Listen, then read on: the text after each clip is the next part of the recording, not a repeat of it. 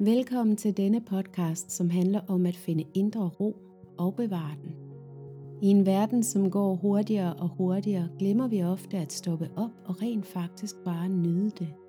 Og det største problem ved denne alt for hurtige livsstil er, at vi går glip af vores eget liv.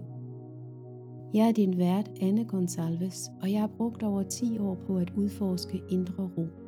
Og i denne podcast sætter jeg fokus på, hvordan vi finder netop det gennem yoga, ayurveda, spiritualitet, meditation, healing, mindfulness og andre spændende emner. Men nu vil jeg gerne invitere dig til at holde en pause, sænke skuldrene, tage en dyb vejrtrækning og lytte med. Velkommen til Revolutionen. Jeg sidder her med Lars Damkær, som er mindfulness formidler mental træner og forfatter til bogen Mindre stress, mere nærvær, og han er også manden bag appen Nærvær. Velkommen til. Tak, Anne. Øhm, vi skal jo tale om nærvær i dag, mm. øh, og det er noget af det, du har undervist meget i og, og har snakket meget om mm. øh, i mange år. Øh, har du lyst til lige at starte med at fortælle lidt om din baggrund? Øh, ja, sådan min baggrund i forhold til det at beskæftige mig med nærvær, den øh, kommer blandt andet fra, øh, fra yogaverdenen. Den kommer også fra øh, coaching, vejledning, undervisning, i det hele taget sådan at det at arbejde med, med mennesker og øh, deres udvikling. Og du er jo, du skrev bogen Mindre stress, mere nærvær for, hvad var det, du sagde, 12-13 år siden? Ja, faktisk ja. Ja, lidt mindre. Vi er tilbage i, uh, i 12. Okay. Uh, så det var altså, dengang, jeg skrev uh, uh, bogen Mindre stress, mere, uh, mere nærvær. Og den uh, skrev jeg meget med afsæt i, at jeg havde arbejdet med stressramte klienter i uh, Gentofte Kommune uh, gennem uh, faktisk også en, uh, en små 10 år. Øh, og, og deraf havde jeg sådan indsamlet, kan man sige, meget øh, empiri, øh, også empiri til at, at holde op mod øh, den øh, teori, der jo, der jo findes omkring øh, stress og, og nervesystem osv. Så, videre. så bogen var sådan en, en kombination af, af både øh, noget teori, og så øh, de her forskellige øh, øh eksempler og, og cases, og så selvfølgelig også øh, værktøjer og øvelser og, og den slags. Så baseret på mange års øh, praktisk erfaring med ja. i dit arbejde. Ja. ja. Hvis vi skal prøve at eller hvis du skal prøve at beskrive nærvær, mm. hvordan, øh, hvis du skulle sætte nogle ord på, hvad er nærvær så? Ja, altså øh, de fleste mennesker øh, har jo en, en sådan umiddelbar forståelse af, hvad hvad nærvær er, øh, som jo handler om, om det at være, være til stede i bund og grund, ikke? Og, og være, øh, være vågen, være øh, opmærksom på, øh, hvad end man laver. Det kan være lige nu, tror jeg, at vi begge to er sådan ret nærværende i det at øh, have en samtale, i det at, at, at lytte, og øh, i mit tilfælde lige nu, hvor jeg, hvor jeg taler og sådan... Øh, øh, smage på ordene, inden de øh, kommer ud, så at sige. Ikke? Øh, og nærvær er noget, der kan opstå i alle mulige sammenhænge. Det kan være øh, nærvær i øh, øh, alle mulige aktiviteter, om det er i øh, naturen eller i hverdagsaktiviteter, i samværet med også med, med børn for eksempel, i, i leg og andet. Fordybelse, det kunne være at læse en, øh, en bog eller udføre en, en arbejdsopgave. Øh, men så kan man sådan også godt sådan tale om forskellige typer øh, af nærvær, der også sådan rent øh, neurologisk egentlig også sådan ændrer lidt på blandt andet, øh, øh hvad det er for nogle centre i hjernen, der øh, øh, er, er aktive, hvilke netværk i hjernen, øh, der er aktive. Så øh, mindfulness er jo et eksempel på nærvær. Det er jo noget af det, jeg beskæftiger mig rigtig meget med. Og det kalder man jo øh, også for øh, det bevidste nærvær. Og så lige umiddelbart kan man så tænke, når kan man være ubevidst nærværende? Det kan man faktisk godt, men når man lige starter med det bevidste nærvær. For det, der ligger i det, det er, at vi faktisk ved, at vi er nærværende, mens vi er det. Så øh, det er det, der også gør mindfulness til noget, man øh, virkelig kan, kan praktisere, øh, og også godt kan være øh, ja, en slags teknik i virkeligheden til, at du observerer det, der finder sted, alt imens det folder sig ud. Øh, der er også den tilstand, som øh, hedder at være i flow. Og øh, det kan man faktisk godt kalde et mere ubevidst nærvær, fordi det er sådan en tilstand, hvor man mister fornemmelsen for tid og sted. Inden for mange sådan kreative processer, der øh, kan man opleve at komme i flow. Det kunne være, at man var i gang med at male et maleri, eller skrive på en bog kunne det også være, eller lave et eller andet, der rydder op i sit kælderrum, måske også. Noget, hvor man sådan pludselig tænker, gud, ej, hvor meget, nå, klokken er, ej, jeg har været i gang i mange timer åbenbart, jeg har da ikke glemt at spise, og man får den her øh, fornemmelse af at miste fornemmelsen af tid og sted, ikke? fordi man er røget ind i sådan en, en nærværsboble. Så er der også, hvis jeg skulle nævne en tredje form for nærvær, det vil være det at være meget fokuseret, meget koncentreret. Og selvom der i mindfulness er det, der hedder den fokuserede opmærksomhed, hvor der helt sikkert også er øh, elementer af koncentration, det er en del af det også, så er, er koncentration som sådan et, et, øh, et lidt andet form for nærvær, end, end det man, man øh, kultiverer i mindfulness. Spændende. Så øh, som du også kan høre, eller som I kan høre, lyttere, øh, så øh, øh, er der mange måder, hvorpå vi kan øh, prøve at finde ind til, øh, til nærværet, mm. i, øh, også simpelthen i, i hverdagen. Ikke? Så muligheden er der hele tiden for nærvær, muligheden er der også hele tiden for det modsatte. For at tjekke ud, være fraværende, forsvinde andre steder hen med sindet, lytte uden egentlig at høre, hvad der bliver sagt. Og det kender vi jo også alle sammen. Mm. Det er jo en anden øh, øh, tilstand, man, man så er i. Ikke? Men det er meget spændende det der med, at du siger, at de her, i hvert fald de to former for nærvær, øh, det der med at være i flow, hvor man måske ikke, man ikke er så bevidst om det, men ja, hvis man er, er helt opslugt af et eller andet, en kreativ proces, eller en leg, eller mm. en dans, eller hvad det nu ja. end kan være, der bringer en i denne her flow-tilstand, hvor, øh, og så det mere bevidste, hvor man, og måske også med mindfulness-træningen, at det bliver sådan mere en, en, en form for træning også, måske en mm. mental træning mm. også, ikke? at man er mere bevidst om, okay, nu er det det, jeg sætter mig for at gøre, ja. eller ja nu er jeg i den her tilstand af fuldt nærvær lige nu. Mm. Øhm, og jeg har lyst til at spørge sådan øh, lidt for sjov måske, men mm. hvorfor har vi brug for nærvær? ja, og det kan man egentlig sige øh, i forlængelse øh, af det her med at være fraværende. Altså der er rigtig, rigtig mange situationer, hvor, øh, øh hvor vi bliver fraværende, hvor vi... Øh, agerer mere på øh, autopilot, altså automatisk. Og det kan jo nogle gange, nogle gange kan det også øh, være meget godt lige at tjekke ud jo, øh, men det betyder jo også, at vi kan både gå glip af en hel masse, det kan være dejlige, behagelige, sanselige ting, vigtige detaljer, øh, unikke detaljer. Så der er en masse, vi kan gå glip af, øh, øh, og i det kan der også være noget vigtigt øh, øh, information nogle gange. Og der kan simpelthen også være situationer, hvor det simpelthen øh, er rigtig vigtigt i forhold til at passe på sig selv og hinanden. Ikke? Øh, det er jo for eksempel vigtigt at være nærværende i trafikken, for at tage et meget oplagt øh, eksempel. Mm.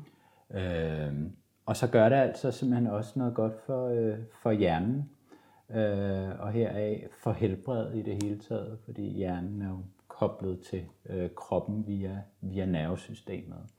Så, øh, så man ved simpelthen også fra forskningen, at det at praktisere nærvær på forskellige vis, det øh, gør, at hjernen simpelthen øh, øh, kan holde sig øh, sund og øh, udviklet. Øh, jeg kan komme med et konkret eksempel.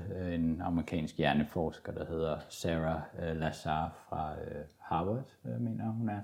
Hun har lavet noget forskning med 50-årige, der mediterede fast i 8 uger. Og øh, det viser sig, at deres frontallapper, den forreste del af hjernen, som vi bruger til mere avanceret tænkning, planlægning, at øh, øh, deres frontallapper var som 25-åriges.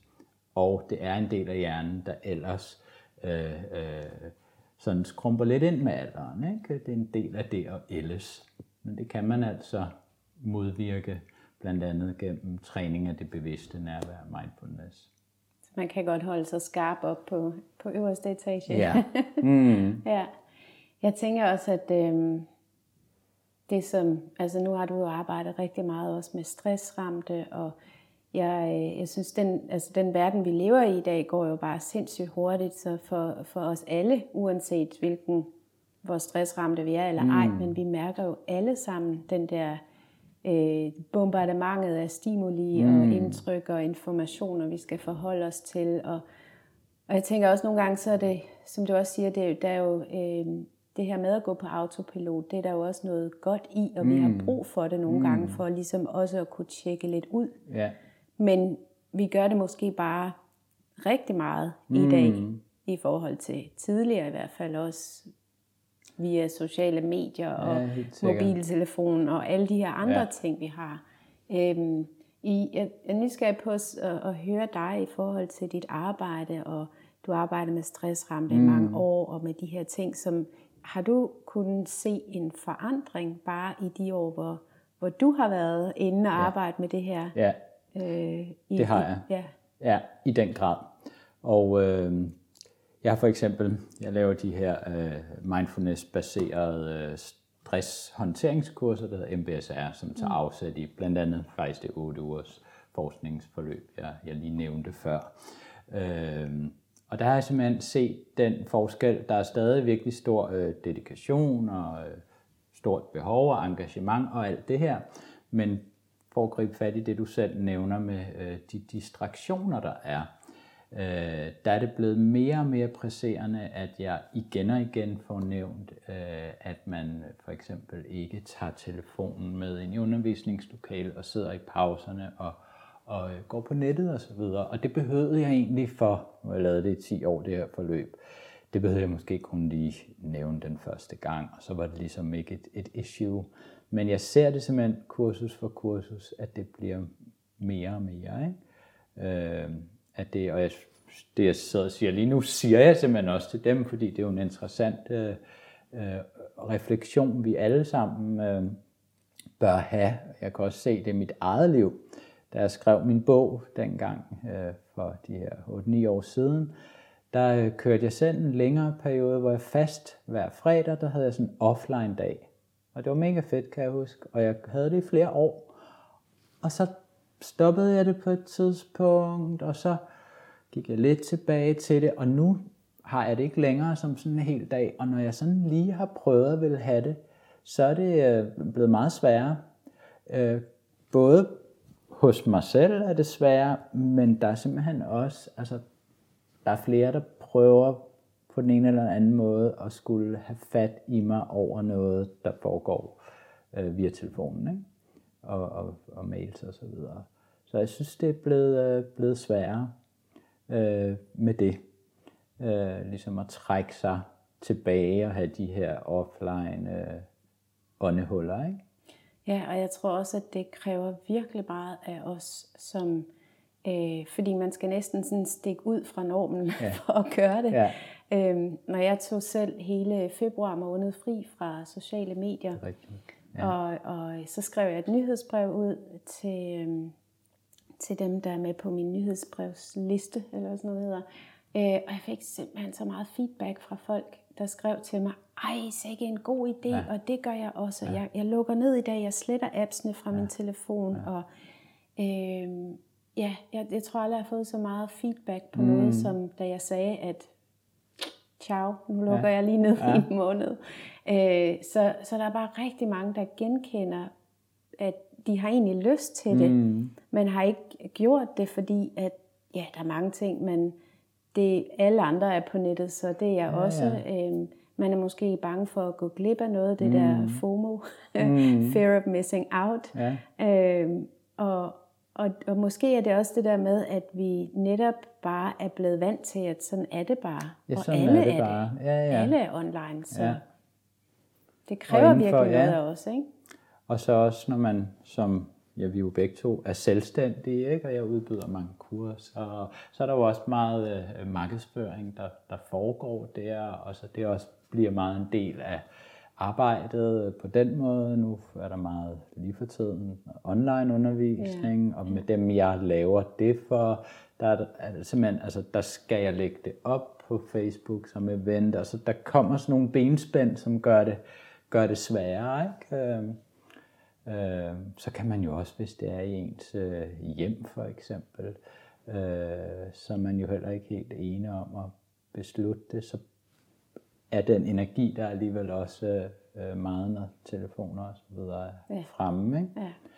Og det er bare, altså, man kan sige, vi som, og det er jo hele verden nu, ikke? Øh, som, som, øh, som mennesker, der har vi virkelig sat sådan en fælde op for os selv. Ikke? Fordi igen, hjernen er simpelthen øh, øh, på en måde, det menneskelige sind er på en måde, hvor vi meget let bliver distraheret. Øh, at man associerer. Det er meget svært for os faktisk øh, at praktisere mindfulness på tankerne, fordi at øh, vi har svært ved at fastholde en tanke særlig lang tid. Man siger, at vi har omkring 60.000 tanker i døgnet. De fleste er gentagelser, de fleste er faktisk også negative, øh, for det er sådan nedarvet øh, øh, ting, at vi er opmærksom på, på det, der er negativt. Øh, og så har vi det, der hedder mind wandering, hvor det hurtigt fører til nye tanker, til nye tanker, til nye tanker. Og også inden for meditation taler man jo om monkey mind, at vi har et flakkende sind. Så hvis vi oven i det lægger, at der øh, dagen lang er alle mulige impulser øh, fra telefon, fra andre mennesker, fra øh, øh, computer, øh, fra det omkringliggende samfund, der ved os noget, prikker til os, hiver i os, så feeder vi virkelig øh, den del af hjernen, som allerede er sådan. Og så er man bare på overarbejde Ja. hele tiden, eller hjernen er hele tiden jo på det. overarbejde, ikke? Ja. Ja. Og har altså virkelig brug for at øh, regenerere og have nogle pauser. Ja. Og apropos det med autopilot, for man kan sige, den autopilot, der er handling på autopilot, den er øh, nogle gange okay, men det er måske ikke den sundeste autopilot, men den, der faktisk bare er at sidde og dagdrømme og stige lidt ud i luften, ud i horisonten, uden at gøre noget, uden at have telefonen noget andet, og bare sådan køre på autopilot på den måde i dagdrømmeri, det ved man faktisk, at det, at det er godt for hjernen. Det kan godt give vores hjerne en, en, øh, en sådan god egentlig pause. Man kommer ned i nogle andre øh, frekvenser. Ikke? Er det, når du så siger dagdrømmeri, det er sådan, hvis man så ikke tænker på, altså sådan har et negativt tankespind, ikke? Men Ja. sidder og drømmer sig lidt Ja. væk til sommerferien Ja. for to år siden, hvor man kunne rejse til Bali, det nu var. Og sådan sidder og stener lidt egentlig. Ja, ikke? ja. Det, det, øh, det er da egentlig heller ikke så tit, jeg egentlig gør det længere. Så er der tit mm. noget praktisk ikke? Øh, med, med et eller andet Ja. ja. derhjemme. Og ja, men det er altså virkelig godt at gøre det. Ja. Eller gå en tur, hvor man ikke tager telefonen med. Og, ja. Ja. Uh, jeg tænkt, hvis man var væk Ja, en ja. halv time, uden at nogen ja. kunne få fat på en. ja. Man kan altid finde en god undskyldning for, at der er noget vigtigt. Ikke? Så kan Ja. det være, nu har jeg også en dreng, der går i børnehave. Ikke? Det kunne være, at de ringede fra børnehaven, eller øh, min gamle mor ringede, og der var sket noget, og jeg skulle hjælpe. Altså, så kan det være sådan nogle ting, ikke? ja. Men en gang var vi jo ikke til at få fat på døgnet rundt.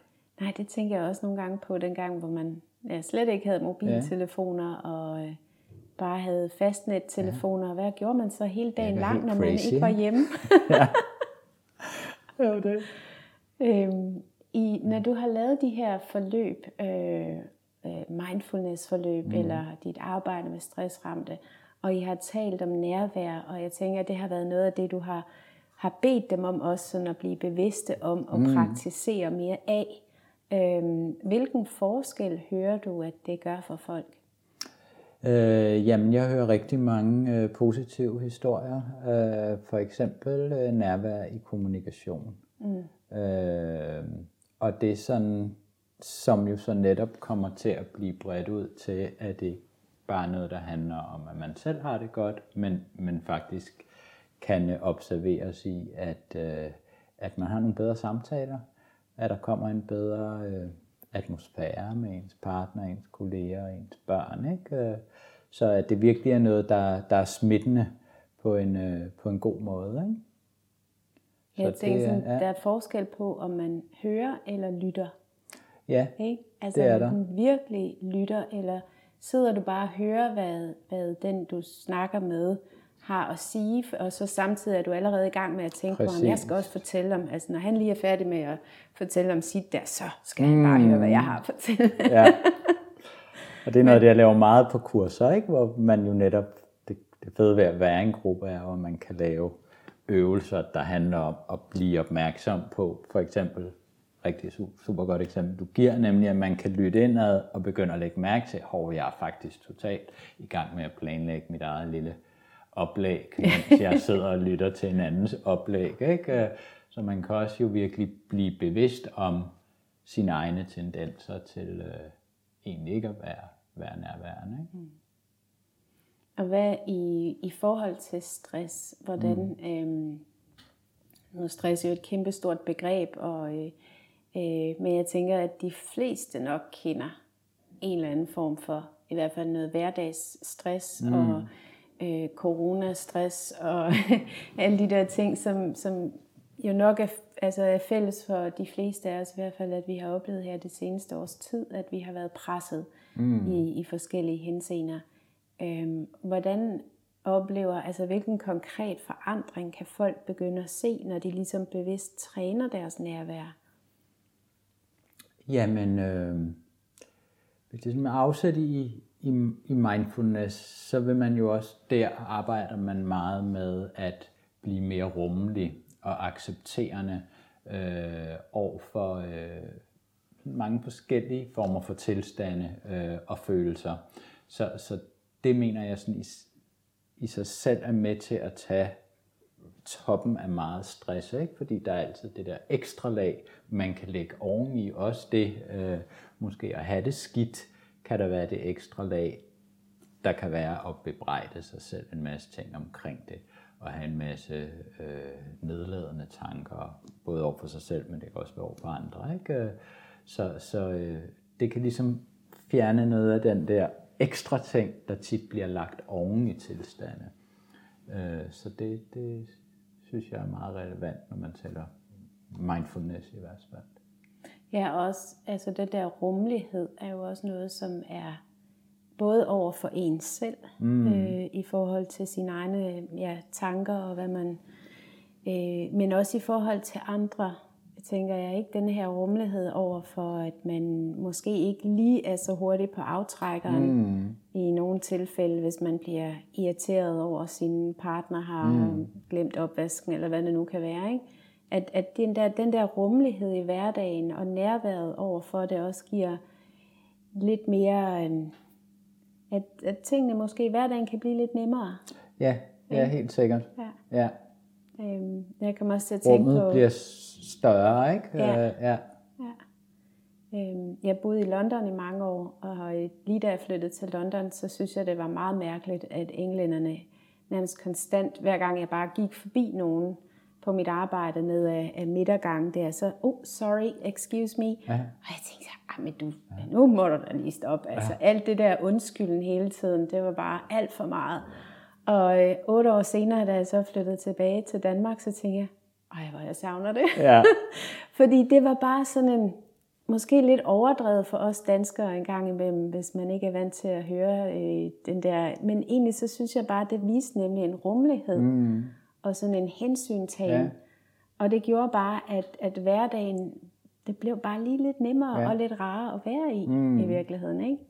I forhold til, at man render forbi nogen ude på gaden, som egentlig går lidt småsure og irriteret over, at du lige går der, hvor de skal gå. Mm. Og, altså, sådan nogle små ting. Ja, men øh, øh, virkelig godt eksempel, fordi det gør netop også den opmærksomhed, man jo træner gennem nærværet, den kommer også til at vise sig, ved man bare bliver mere opmærksom på øh, andre mennesker også. Ja. Ja. Øhm, du arbejder også med mentaltræning. Ja. Kunne du ikke uh, fortælle lidt om det? Fordi jeg synes, jo. det er noget af det, der er... Nu har jeg været yogalærer i mange år, og sådan været meget fokuseret på, jamen, så kan vi lave de her øvelser, mm. og det er mega lækkert, og så får man det godt i kroppen. Mm.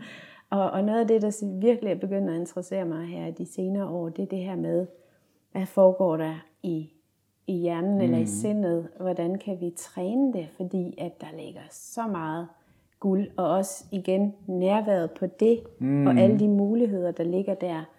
Øhm, vil du ikke fortælle noget mere om det? Jo, og det er nemlig sådan et felt, der er meget mindre udbredt, end, øh, end mindfulness er. Og der er sådan nogle grundlæggende øh, forskelle. Øh, altså sådan helt baggrunden for mental træning, det er, at det, er, det kommer sig fra, øh, det kommer fra elitesporten, hvor man har arbejdet meget med det i forhold til øh, præstationer, har det jo været sportspræstationer, øh, selvtillid i forhold til at kunne vinde tenniskamp for eksempel, ikke? og kunne forestille sig, hvordan man lige rent teknisk gjorde det på den øh, rette måde osv. Så det er sådan der, det kommer fra, og så øh, er det øh, noget, man så har fundet ud af, øh, kan bruges i øh, alle mulige også mere øh, psykologiske sammenhænge øh, og tilstande, for eksempel i forhold til stress og angst og, og lignende. Øh, det man arbejder med, øh, det er faktisk ret kreativt, for man arbejder ikke meget med visualisering, og så øh, øh, arbejder man ud fra en forståelse omkring øh, hjernebølger.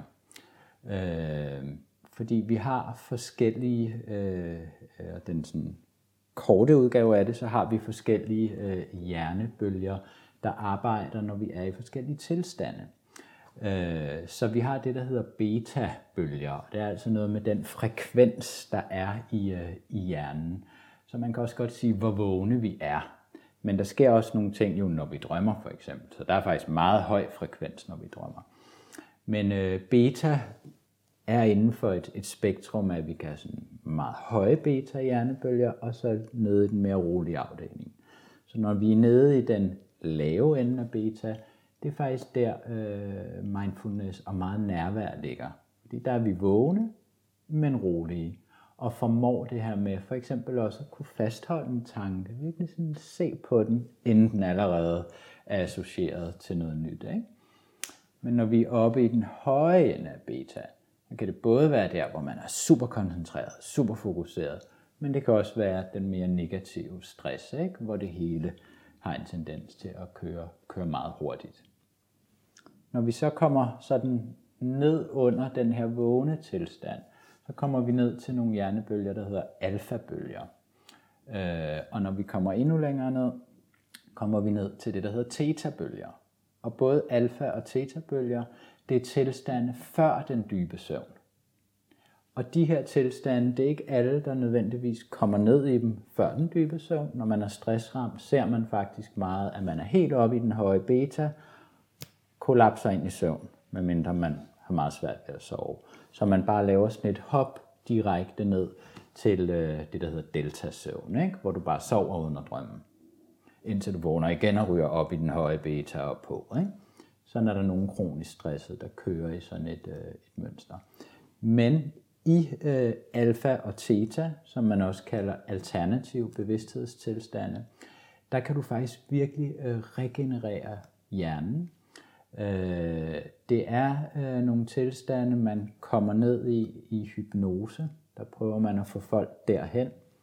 Øh, I mentaltræning, for det minder faktisk meget om hypnose.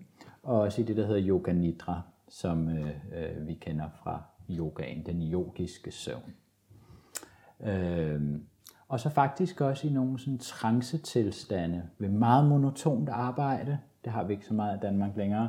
Men det der med at bare løfte en sten fra et sted til den anden ikke? i meget lang tid, du, så kan man også ryge ind, og man faktisk har målt de her øh, bølger, eller nogle former for dans også. Jeg vil også sige meget yin-yoga, når man har praktiseret øh, måske den første halve time, så begynder man at ryge lidt, hvor man sådan, ej, er jeg vågen eller sover jeg? Det er den her tilstand, hvor du er et sted midt imellem. Så i mentaltræning, der øh, laver man simpelthen altså guidede øh, øvelser, øh, der kan minde meget om visualiseringer, hvor man både afspænder kroppen, afspænder hjernen, eventuelt bruger noget musik, der får øh, den, der lytter derhen. Og når man så er kommet derhen, så kan den, der guider, sige nogle ting, der kan få lov at øh, øh, blive optaget på en helt anderledes måde, end når du er vågen. Fordi at vores kritiske filter er mere slukket, og samtidig evnen til at, at visualisere intuitionen, såvel som underbevidstheden, er mere vækket i alfa og theta. Så, øh, så øh, jeg bruger det for eksempel meget i, i øh, coachingforløb, hvor jeg har en jo helt vågen beta samtale, øh, prøver at afdække, hvad, hvad klienten øh, gerne vil, vil arbejde øh, med. Og, øh, og så øh, tilbyder jeg, hvis der er interesse for det, at jeg kan lave sådan en skræddersyet lydfil, der handler om det, ikke? hvor jeg taler ind i det. Øh, og det kan jo handle om alt fra selvværd til øh, motivation omkring noget, til tillid til, at man har en sund krop, hvis det er noget, der kommer over noget healing, noget der er svært. Øh. Så man så, kan simpelthen på den måde skyde lidt en genvej ja. i forhold til at bygge nye stier i hjernen Præcis. og lære ja. noget nyt, eller ja. øh, føle noget nyt, hvis det ja. er det, man arbejder med. Nogle, mm. Du sagde selvværd og ja. øh, andre. Ja, det lyder helt vildt ja. spændende. Så der kan du netop de her neurale stier, man, man der kan skabe ikke? Ja. ved øh, de ting, der bliver sagt, og hurtigere bliver troet på, end hvis du i vågen tilstand øh, øh, siger nogle bekræftelser, eller ja. skriver noget ned. Eller, og det kan jo også have øh, nogle gode effekter, men her kan du sådan få det ind på en anden måde. Ja. Og man kan sagtens opleve, at man faktisk føler, at man har været helt væk og nærmest sovet, men, men man er nede i det her stadie, hvor, øh, hvor øh, man egentlig ikke helt sover. Ja. De fleste oplever også, at de sådan glider lidt ind og ud, og det bliver sådan lidt mystisk. Det er også øh, en alternativ bevidsthedstilstande, bliver det kaldt af samme årsag. Ikke? Ja. Ej, det lyder rigtig spændende. Ja. Øhm, og jeg kom lige til, for lige at føre tilbage til det, du nævnte med stressramte, og når de sover, eller at der er nogen, der kan have denne her, at de kører fra beta og bare mm. buff, så er de mm. nede i dyb søvn. Mm. Så de misser hele det der stadie, øh, hvor de netop, hvor sindet kan få, altså få mulighed for ligesom at få renset ud mm. der, som vi jo, de fleste af os i hvert fald gør om natten, ikke? at ja. vi har denne her, de her forskellige bevidsthedstilstande, hvor, hvor sindet så også, eller hjernen får mulighed for ligesom at få renset lidt ud. Mm. Og den misser de så fuldstændig. Ja. ja. ja. Og så. mange oplever også måske ikke at have, have drømme så meget. Ikke? Og så er der selvfølgelig også mange stressramte, hvor kortisol, øh, det, det mere negative stresshormon, at det gør, at øh, man oplever meget søvnløshed. Men, men det er faktisk ikke alle stressramte, der oplever søvnløsheden, selvom der er rigtig mange, der gør det. Ikke? Øh, der er også mange, der oplever det andet, hvor, hvor, hvor den kroniske stress sådan virkelig er blevet en livsstil, der faktisk godt kan vare i mange år. Mm. Øh, ja. Ja, det, det har jeg selv prøvet. Ja. Jeg havde sådan to eller tre år, hvor jeg rendte rundt med kronisk stress. Mm. Anede ikke, hvad det var på det tidspunkt, ja. så det tog mig lige lidt tid at finde ud af. Mm. Øhm, men, men ja, det kan man. Det kan man sagtens ja. egentlig. Og, ja. og det, er jo, det er jo også det, der sådan, man tit oplever i forhold til stress, det der med, at man, og ikke bare stress, men jeg tænker også bare den sådan øh, hurtige og pressede hverdag, og, og det liv, vi mange af os lever i dag, mm. at det, det sker jo gradvist, ikke? Jo. Og så vender man sig til noget, som man løber lige lidt hurtigere, og så mm. bliver det den nye normal. Mm. Og man godt mærker, at jeg er lidt ekstra træt om natten og sådan noget, ikke? Men ja, og så sker der et eller andet, og der er en kollega, der bliver fyret, og så skal man lige løbe lidt hurtigere, ja. og så vender sig man ja. til det niveau. Det er rigtigt. Indtil der måske lige kommer en dag, hvor man så siger, bum, mm. så vælter det hele. Jo. Ja. Og der kan det så være, hvis det hele så vælter, og man får et stresskollaps, så kan den der bare, man har løftet op, sådan komme faktisk ret langt ned, så der måske en periode efter ikke skal så meget til. Øh, ja. Mm. Øh, det her mentaltræning, mm. øh, hvordan, så du bruger det i forhold til din coaching øh, klienter, ja. kan man sige. Øh, Jeg tænkte også på, at du nævnte det her med kreativitet. For jeg tænker, at en ting er, at de kan sådan lave nogle, eller det kan være med til at skabe nogle forandringer. Mm. Men også den her åbenheden over for en større kreativitet. Jeg tænker, at det kan være med til at give nogle, nogle virkelig ret store forandringer ja. i folks liv. Ikke? Jo. At de ligesom, at de får adgang til en større øh, øh, kreativitet, en større, øh, altså at man lige pludselig får mulighed for at tænke nogle tanker og ja. se nogle nye muligheder ja. og løsninger ja. I sit liv. Helt sikkert. Øh, og man udvikler også sin evne netop til at kunne visualisere, og efter man har været hernede, hvor hjernen har regenereret, så øh, øh, er de mere sådan, man kan sige, finere kognitive dele af hjernen også øh, øh, mere vækket, når man kommer ud af sådan en øvelse. Ikke? Så øh, det er sådan rigtig godt. Jeg bruger det også meget selv til at, at, at faktisk få sådan en følelse af at blive nulstillet er jeg sådan, øh, føler, der sådan er blevet sådan renset ud. Jeg kan sådan det sted bruge det, hvis jeg sådan føler, at jeg sådan, ah, måske jeg har en lidt off dag, eller jeg sådan ikke på andre måder sådan kan vende mit humør eller tilstand, og jeg måske øh, skal noget, hvor jeg også sådan, gerne sådan lidt vil starte på en frisk. Så det at lave sådan en, en guided øvelse, det kan virkelig gøre, at jeg nærmest føler, at jeg får en ny dag på æret. Ikke? Mm, ja. Er det noget, øh, kan, du, kan du dele nogle af de her redskaber? Jeg ved godt, at du mm har øh, sikkert en uddannelse inden for det, altså noget, men er der nogen sådan, hvis man skulle prøve at lave en bare en lille smule derhjemme, mm. og man sidder og lytter med her på podcasten, og man tænker, det lyder sindssygt spændende, er der nogle sådan enkelte trin, øh, eller er det, er det en kompliceret, sådan stor Nej, øvelse? det behøver slet ikke være. Jamen, jeg øh, har faktisk i min, min app Nærvær, som jo er helt gratis, øh, der ligger der en øh, mental træning, der hedder mental afslappning, ja. som varer i 15 minutter. Ja.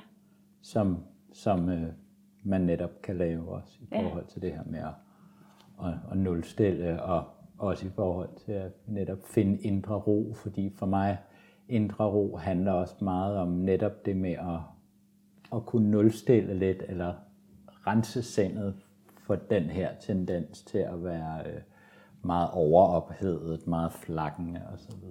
Ja. Så, øh, og det ja. tror jeg er super vigtigt i ja, den tid, vi lever i i dag, og at man hele tiden er så meget på mm. sociale medier og e-mail og med mobiltelefon mm. og hvad vi mm. ellers har, ikke? at det er virkelig, altså det er jo en kæmpe gave, hvis man så selv kan gå ind og ligesom nulstille, mm. som du mm. siger, og, og vi er også nødt til ligesom at få renset ud mm. i sindet. Ja. Og hvis mange så oplever den her tilstand af øhm, at være meget presset eller stresset, og måske springer den øh, mulighed over mm. i nattesøvnen, mm. fordi de hopper direkte til den dybe, dybe ja, søvn, hvor præcis. der ikke sker så meget i hvert fald. Ja. Øhm, så er det jo en, en super god måde at kunne få det øh, med ind ja. i sin hverdag på. Og en god ting med en øvelse som den, det er simpelthen, der er, øh, der er ikke noget med, at du skal holde dig vågen, du skal sidde op, altså til man lægger dig ned, du kan tage en øjenpud på, du kan, øh, jeg anbefaler altid folk at øh, sætte et vækkeur, hvis du ved, at du øh, skal noget sådan i løbet af en halv time. For det kan være efter det kvarter, du lige har brug for at lægge fem minutter mere eller et eller andet. Så bare sæt et vækord, så du ved, du, du kommer op. Ikke? Ja. Så, så det virkelig altså, kræver intet, ingen gang en intention om, at du skal høre alt, hvad jeg siger. Du må godt altså, falde i søvn, fordi det går ind alligevel. Ja, ja. Øh, har man kunnet måle, ikke? Øh, ja. Det synes jeg også er lidt vildt egentlig at tænke på. Jeg, jeg underviser selv i, i yoga nidra og mm. har guidet mange, mange yoga nidra. Og når jeg siger det her til folk med, at jamen, du, altså, det er fint, hvis du kan holde dig vågen, men hvis du falder i søvn, så falder du i søvn. Mm. Og, og et eller andet sted, så, så arbejder bevidstheden stadig væk. Mm. Og det synes jeg er noget af det, som folk godt kan have sådan lidt øh, svært ja. ved. Og, ja. wow, virkelig. Ja. Ikke? Men, men at der stadigvæk sker noget mm. på et eller andet plan, mm. der kan være med til at påvirke. Ja. Øhm, ja. Det er ja, vildt spændende. Ja. Øhm, jeg kunne også godt tænke mig at høre lidt om din kombination af yin yoga og mindfulness. Mm. Fordi du har jo en uddannelse i yin mind Mm. Ja, sammen med Louise. ja, det er rigtigt. Og øh, den har I jo kørt i nogle år også nu, Ja, ikke? Som, jo. Ja. Øhm, og der kombinerer I mindfulness med yin yoga, hvilket jo også giver super god mening, fordi de Det gør det jo. er næsten altså meget... Øh, yin yoga er jo også mindfulness. Ja, Så, præcis. ja. Og det er sådan en, øh, øh, vi har sådan meget oplevet, at for mange kan det være øh, måske svært, det kræver meget selvdisciplin, øh, siddende meditationer.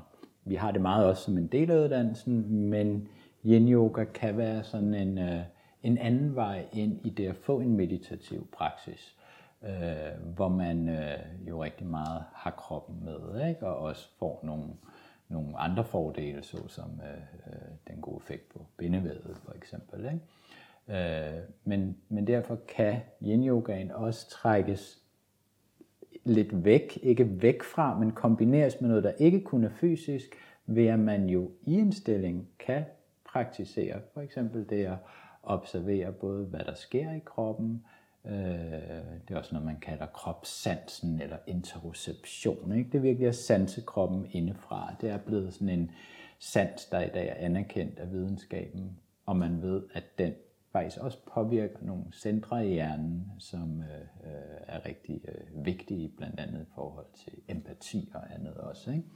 Så der er rigtig mange ting, man kan øh, ved at kombinere de her to øh, øh, træne, der både handler om kroppen og om sindet. Og øh, noget af det, jeg jo så meget underviser i på uddannelsen, udover de, vi har sådan 40 stillinger, vi har, har øh, øh, valgt at dykke ned i, og det underviser vi begge to i, men ellers underviser jeg meget i ting, der jo handler om stress og nervesystem og hjernen og, og de her ting. Ikke? Øh, så ja, Jeg synes også, det, er, det, er jo, det giver jo rigtig god mening, fordi at man i yin yoga har de der 3, 4, 5 minutter mm. som regel i en stilling, og, og for mange kan det jo være rigtig svært øh, at, at skulle ligge i så lang tid i en mm. stilling, ikke? fordi der kan virkelig nå at ske Ja. ja. meget heroppe på Ja. ja. øverste etage. Øh, Så det her med at have måske et fokus eller et, Mm. et formål med, hvor man dirigerer tankerne hen, eller at man har en, jeg tænker også, at de arbejder med de sådan forskellige mindfulness-principper, Præcis. praktiserer Ja. accept, eller Ja. give slip, eller Ja. sådan nogle af de der ting. Øh, jeg, jeg læser tit, at yin-yoga er super godt til stressramte, mm. og øh, jeg er egentlig ikke helt enig, Mm. fordi at det kræver også rigtig meget. ja, det gør det. Ikke? Så for nogen kan det jo virkelig være svært Ja. øh, at skulle være, hvis man for eksempel går til en yin-time, og så bliver guidet ind i en stilling, og så bliver man overladt til sig mm. selv de næste tre minutter. Så vi vil nemlig også gerne klæde underviserne på til at øh, øh, kunne byde ind med nogle, nogle ting og have en baggrundsviden omkring, øh, omkring flere af de her ting, jeg har, har talt om i dag. Ikke? Og så har vi sådan også egentlig gjort det, at vi har selvfølgelig også længere holdt stillinger osv., men også kombineret det med, med øh, forskellige former for bevægelse, andre meditationer, og sådan at der også sådan er mulighed for at have et repertoire, der kan kombinere det på forskellige vis. Ikke? Ja. Og egentlig også i virkeligheden, nu har jeg jo både noget baggrund inden for yoga, men det har oprindeligt ikke været min primære vej øh, øh, ind i de ting, jeg har arbejdet med. Jeg har haft en praksis selv i sådan noget 30 år, men, men jeg har studeret mange andre ting. Så jeg synes også øh, øh, sagtens, man kan trække nogle ting lidt væk fra, at det er sådan ren yoga-verden øh, mere i kombination med, øh, med nogle andre ting. Ikke?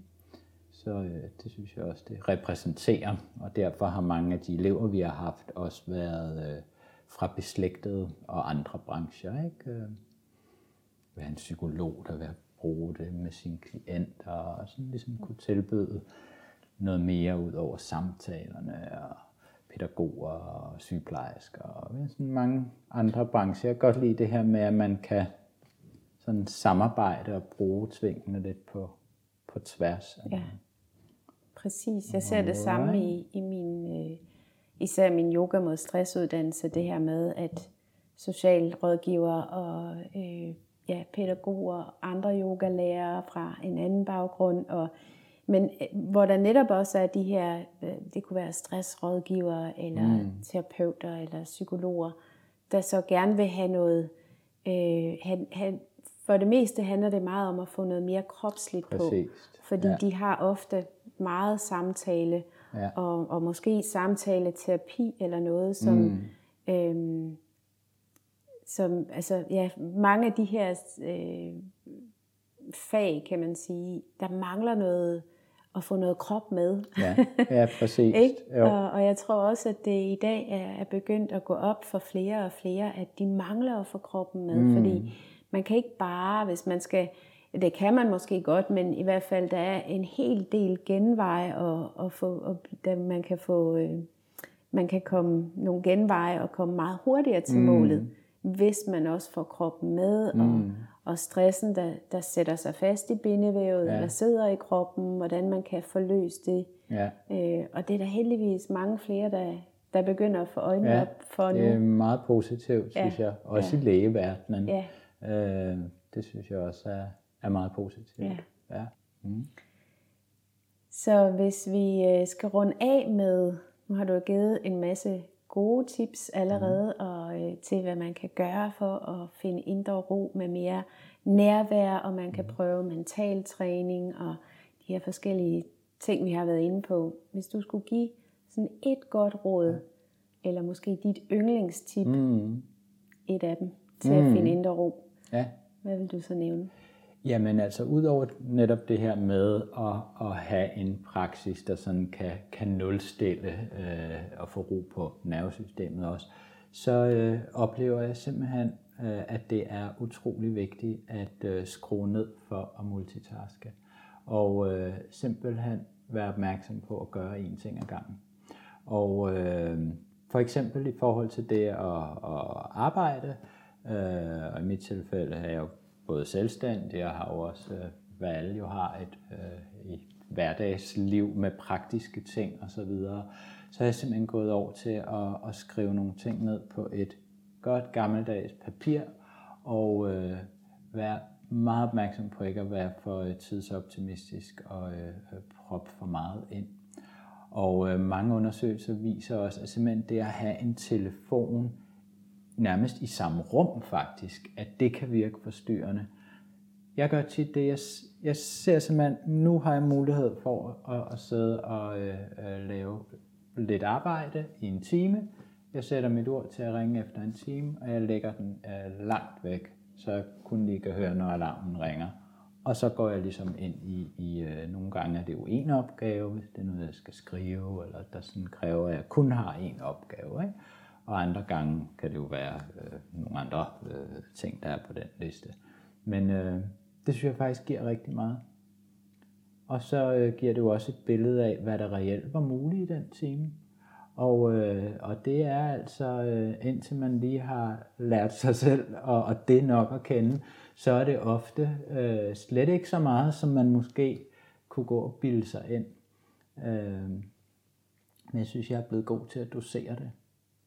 Så både at ikke være for tidsoptimistisk, ja. og få skrevet ting ned på papir, ja. så du skriver de opgaver ned, eller ja. sådan to-do-lister ja. på papir, så mm. du også har det, kan se det foran ja. dig, og ja. kan strege ud. Og det er rigtig godt at strege ud. ja. Altså det giver simpelthen bare giver dopamin af ja. tilfredsstillelse. Yes.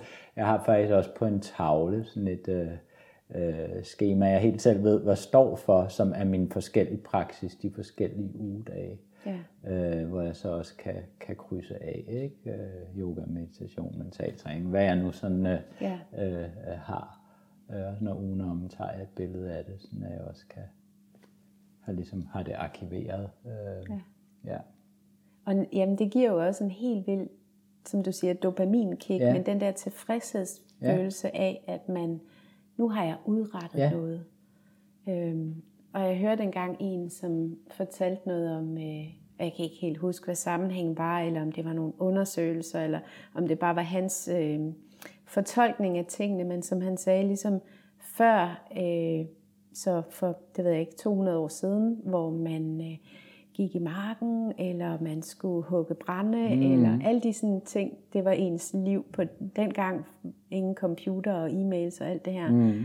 Så når man havde øh, en opgave, så havde du en bunke træ foran dig, ja. som skulle kløves og stables op, og når du så havde hugget alt det her brænde og stablet det op, så kunne du se på ja. denne her bunke brænde ja. og sige, nu har jeg ja. udrettet noget, og jeg har færdiggjort denne her opgave. Mm. Hvorimod i dag, hvor vi bare, altså e-mailsene, de bliver bare ved med at komme. Vi bliver aldrig færdige. Vel? Det er den der følelse af hele tiden egentlig at, at halse sådan lidt bagefter. Ja. Øh, at, at den er jo enormt vigtig at få om man så ikke, altså i det mindste selv skal prøve at være herre over det her med at, at have nogle opgaver, man siger, nu får jeg dem afsluttet mm. og krydset og af. Simpelthen det der med at kunne sætte den ja. streg hen over ja. det, ikke? Så det er sådan en done i stedet ja. for to do. Ja. Øh, ja. Øhm, og Men også, meget træning i ikke at fylde for meget på. Ja, også det. Ja. ja. Og også et, et godt tip, det der med at lægge øh, mobiltelefonen ja. helt væk. Ja så man ikke lige bliver distraheret eller ja. skal tjekke noget. Ja. Eller, ja. Super. Tusind tak, fordi du ville være med og Jamen, selv tak. dele alle de ja, her spændende ting. Ja, det var at være med. Tusind tak, fordi du lyttede med til Revolutionen. Hvis du vil læse mere om mit online-univers, yogauddannelser og yoga-retreats, og tidligere afsnit af podcasten, så klik ind på min hjemmeside anegonsalves.com.